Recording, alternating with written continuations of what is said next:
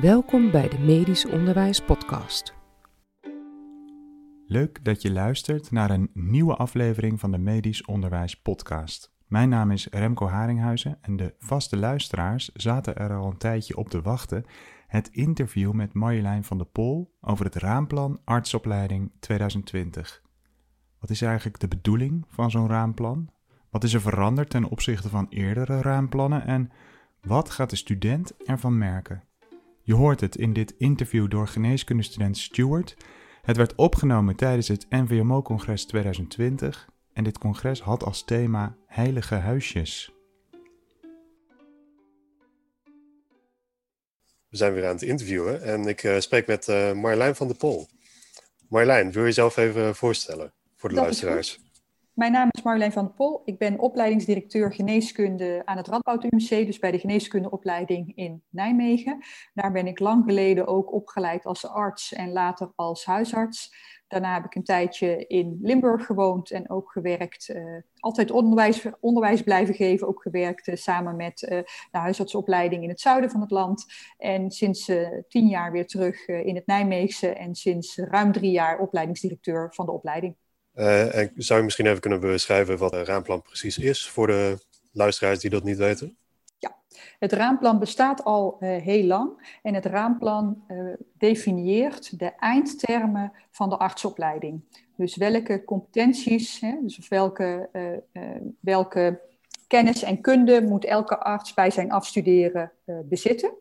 En uh, dat is natuurlijk aan veranderingen onderhevig, uh, want sinds 1970 staat de maatschappij niet stil, staat de medische, staan de medische ontwikkelingen niet stil. Dus zo'n raamplan is iedere zoveel jaar aan herziening toe. Nou, in de laatste jaren gaan natuurlijk de technologische, maar ook de sociologische en de maatschappelijke ontwikkelingen ontzettend snel. En dat vroeg om een herziening van de eindtermen voor de artsopleiding. En wat we heel duidelijk in dit raamplan scherper hebben neergezet dan in het vorige raamplan, is dat de arts een breed opgeleide professional is, met naast medische deskundigheid ook competenties op, op de andere gebieden uit de kenmets, zoals omgaan met verandering, samenwerken, leiderschap tonen, wetenschappelijk denken, eh, communiceren, oog voor maatschappelijke ontwikkelingen, bedreigingen volksgezondheid. Dus met andere woorden, eh, de medische deskundigheid is de, is de basis, maar die kun je alleen goed uh, tot uitvoer brengen. Of die competentie kun je alleen goed ontwikkelen als die bloemblaadjes daaromheen, overige competenties ook goed uh, ontwikkeld zijn. En waarbij we ook zeggen, het werkveld van de arts is heel breed en bestrijkt eigenlijk het hele terrein van het medisch handelen, van preventie, eh, diagnostiek, prognostiek, besluitvorming, tot behandeling van individuele patiënten als behandelingen van patiëntengroepen of de populatie. En wat wij eigenlijk zeggen, in de artsopleiding moeten we uh, afgestudeerde artsen een basis geven en een gezamenlijke taal. Daarin bedoelen we dat, uh, nou ja, dokters gebruiken natuurlijk soms gekke woorden voor dingen. Hè? Um, een, uh, uh, ja, als je iets opschrijft in het dossier, dan is een, een hekje, zo'n hekje wat je bij Twitter gebruikt, dat betekent fractuur, dus dat betekent gebroken. Um, of hoe je een lichamelijk onderzoek kort kunt noteren. Of dat die basis, elke dokter, kijk of jij nou verzekeringsarts wordt of chirurg, radioloog of gynaecoloog, huisarts of ouderenzorgarts, uh, jij moet uh, als een patiënt met benauwdheid bij je komt, moet je een bepaalde differentiaaldiagnostiek uh, in je hoofd kunnen, kunnen hebben. Moet je weten welke vragen je aan de patiënt kunt stellen. Ook als jij in de toekomst misschien niet, met dat misschien niet meer met benauwde patiënten te maken zult hebben, maar gewoon een basis van het medische domein moet elke dokter beheersen. En dat bedoelen we dus met die basistaal en dat, dat je kort een patiënt kunt samenvatten, dat je de stappen van het klinisch redeneren kent, et cetera. Dat vinden wij die gezamenlijke basis en taal. Uh, en daarna gaan, is je namelijk je opleiding niet klaar. Dan ben je uh, arts, maar daarna ga je je verder specialiseren. Ofwel in de eerste lijn, ofwel in het ziekenhuis, of nog wel uh, op, een andere, op een andere plek. Ik denk dat als je goed naar het raamplan kijkt, dat het impliceert dat we meer buiten het ziekenhuis gaan opleiden. Uh, veel opleidingen zijn nu toch nog uh, ziekenhuisdominant. Uh, En uh, zeker uh, is dat heel belangrijk. Elke dokter moet denk ik een deel van zijn tijd in het ziekenhuis zijn opgeleid. Maar er ligt nog wat weinig nadruk op dat opleiden buiten dat ziekenhuis. En omdat ook dat complexiteitsdenken, inderdaad ouderenzorg, patiënten met chronisch complexe aandoeningen, meerdere aandoeningen tegelijk, polyfarmacie. dat zijn natuurlijk gebieden die degelijk, wel degelijk aandacht moeten krijgen. Nu we dat weten, zullen we doorgaan naar het onderwerp van dit congres, die uh, heilige huisjes. Mhm. Heb jij eigenlijk heilige huisjes waar je heel graag uh, vanaf zou willen in het onderwijs, in het medisch onderwijs? Ik ben niet zo van de heilige huisjes, omdat ik eigenlijk vind dat je altijd alles zou uh, moeten kunnen bespreken, uh, zolang je maar in dialoog gaat. Maar als er dan misschien een heilig huisje is in deze tijd, waar ik me zorgen over maak, is dat we langzamerhand een beetje een meningenmaatschappij aan het worden zijn. Iedereen die roept wat, ik vind, ik vind, ik vind, en uh, het moet toch kunnen dat. En daarmee verliezen we soms de nuance en verliezen we de dialoog. Dus misschien is, het, is continu eh, ventileren van onze mening over eh, alles wat los en vast zit, toch wel een heilig huisje. Uh, of misschien is het wel een taboe waar ik iets over zou vinden. Ja, Vind je dat ook, ervaar je dat ook zo in het medisch onderwijs, dat dat veel aan het gebeuren is? Of is het daar wat minder aan het ontwikkelen? Ehm, nou, ik denk dat wij heel erg ons best doen dat wij steeds in dialoog blijven, dat dat er niet zo is. Maar als je bijvoorbeeld kijkt naar ehm, stress onder studenten, dat is een, uh, dat is een veel gehoorde term. Hè. Daar wordt ook in de media veel over gesproken. En als je dan individueel met studenten gaat praten of in kleine groepjes met studenten gaat praten, kun je vaak heel veel dingen nuanceren. Dat het echt niet zo is dat je al uh, voordat je aan de opleiding geneeskunde bent begonnen moet weten welk specialisme je in de toekomst uh, wil gaan doen en dat je toch minimaal vier bestuursjaren moet hebben gehad. Uh, vul het maar even in. En als je één op één met ze praat en ze uitlegt dat daar echt meerdere wegen naar Rome leiden, dat je ook niet op je achttiende al kunt weten wat de toekomst voor je in petto gaat hebben, dan dan zie je eigenlijk dat studenten daardoor gerustgesteld zijn en het laten zakken. Maar komen ze dan weer bij elkaar of uh, horen ze dan weer, lezen ze weer iets in een app of kijken ze weer op social media, dan laten ze zichzelf heel gauw weer opjutten. Dus in die zin denk ik dat het ook onder studenten geneeskunde wel degelijk speelt.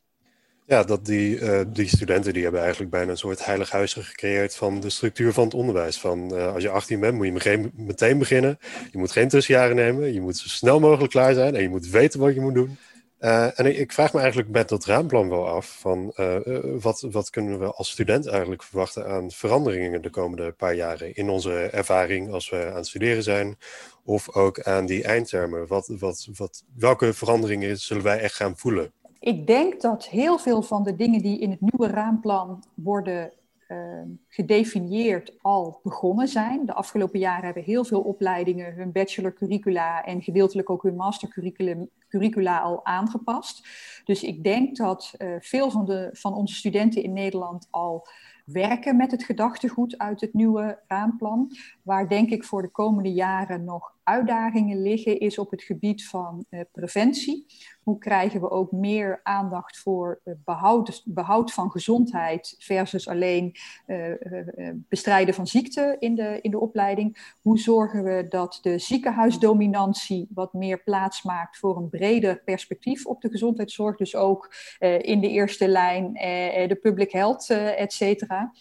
En, uh, en hoe krijgen we uh, levenslang leren? Dus dat het ook niet klaar is na je artsopleiding, maar dat het ook niet klaar is na je specialisatie. Dus dat je echt jezelf realiseert, iedere dag leer ik weer een beetje bij en ontwikkel ik me weer een stukje verder. Dat zijn denk ik aspecten uh, die nog wel ontwikkeling behoeven in de verschillende curricula. En ik denk ook dat alle technologische ontwikkelingen, die natuurlijk eh, continu veranderen, dat dat ook een uitdaging is om dat op een goede manier in de opleidingen te verankeren. En daar zijn echt her en der al stappen mee gemaakt, maar daar moeten gewoon nog uh, grotere stappen gemaakt worden. En de opleidingen hebben denk ik daar ook wel enige tijd voor nodig om dat echt goed te implementeren.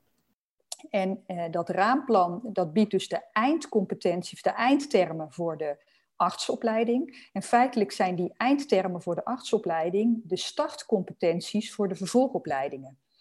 En om dan even bijvoorbeeld een voorbeeld te noemen. kijk, elke nou, laat ik even een voorbeeld nemen. Elke gynaecoloog die een jonge artsassistent aanneemt, die zal vinden dat e-, elke afgestudeerde arts een volledig gynaecologisch onderzoek, inclusief, uh, inclusief speculumonderzoek, moet kunnen doen. Um, maar elke uh, radioloog zal misschien zeggen, nou, elke afgestudeerde arts moet toch minimaal een, een thoraxfoto goed kunnen beoordelen.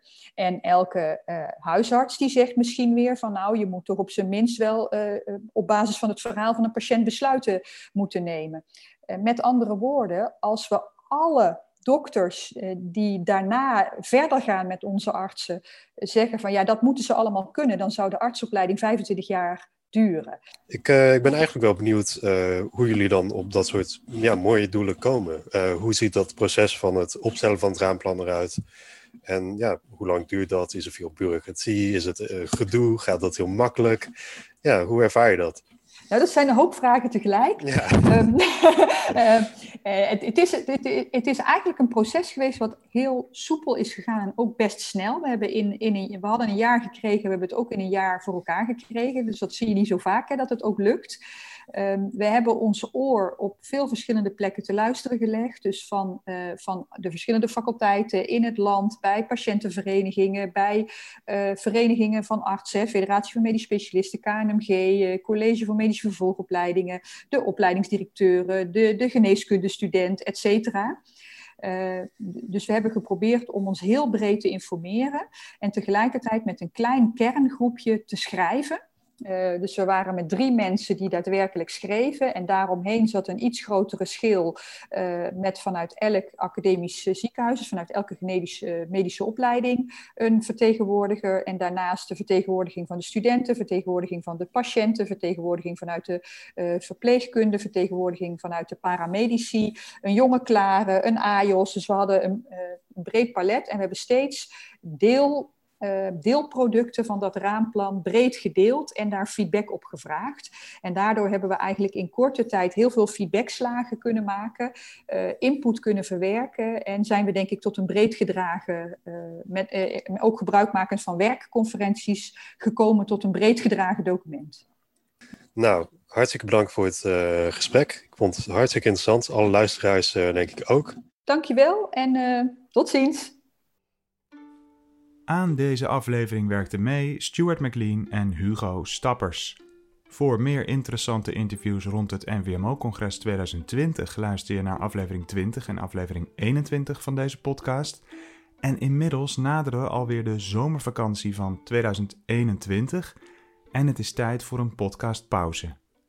Hoe lang die pauze precies duurt, weten we nog niet.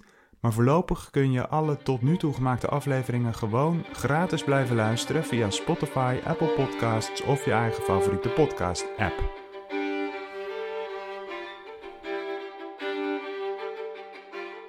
Bedankt voor het luisteren naar de Medisch Onderwijs Podcast.